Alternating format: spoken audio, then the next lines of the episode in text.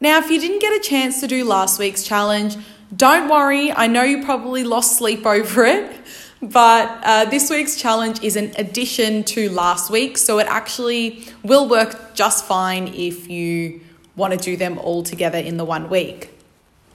What I do say though is, I view this podcast as a partnership and a friendship between me and you.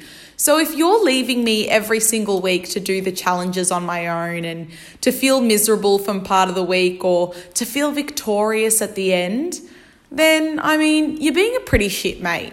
And no one wants to be a shit mate. So sort yourself out and do the challenges with me, okay?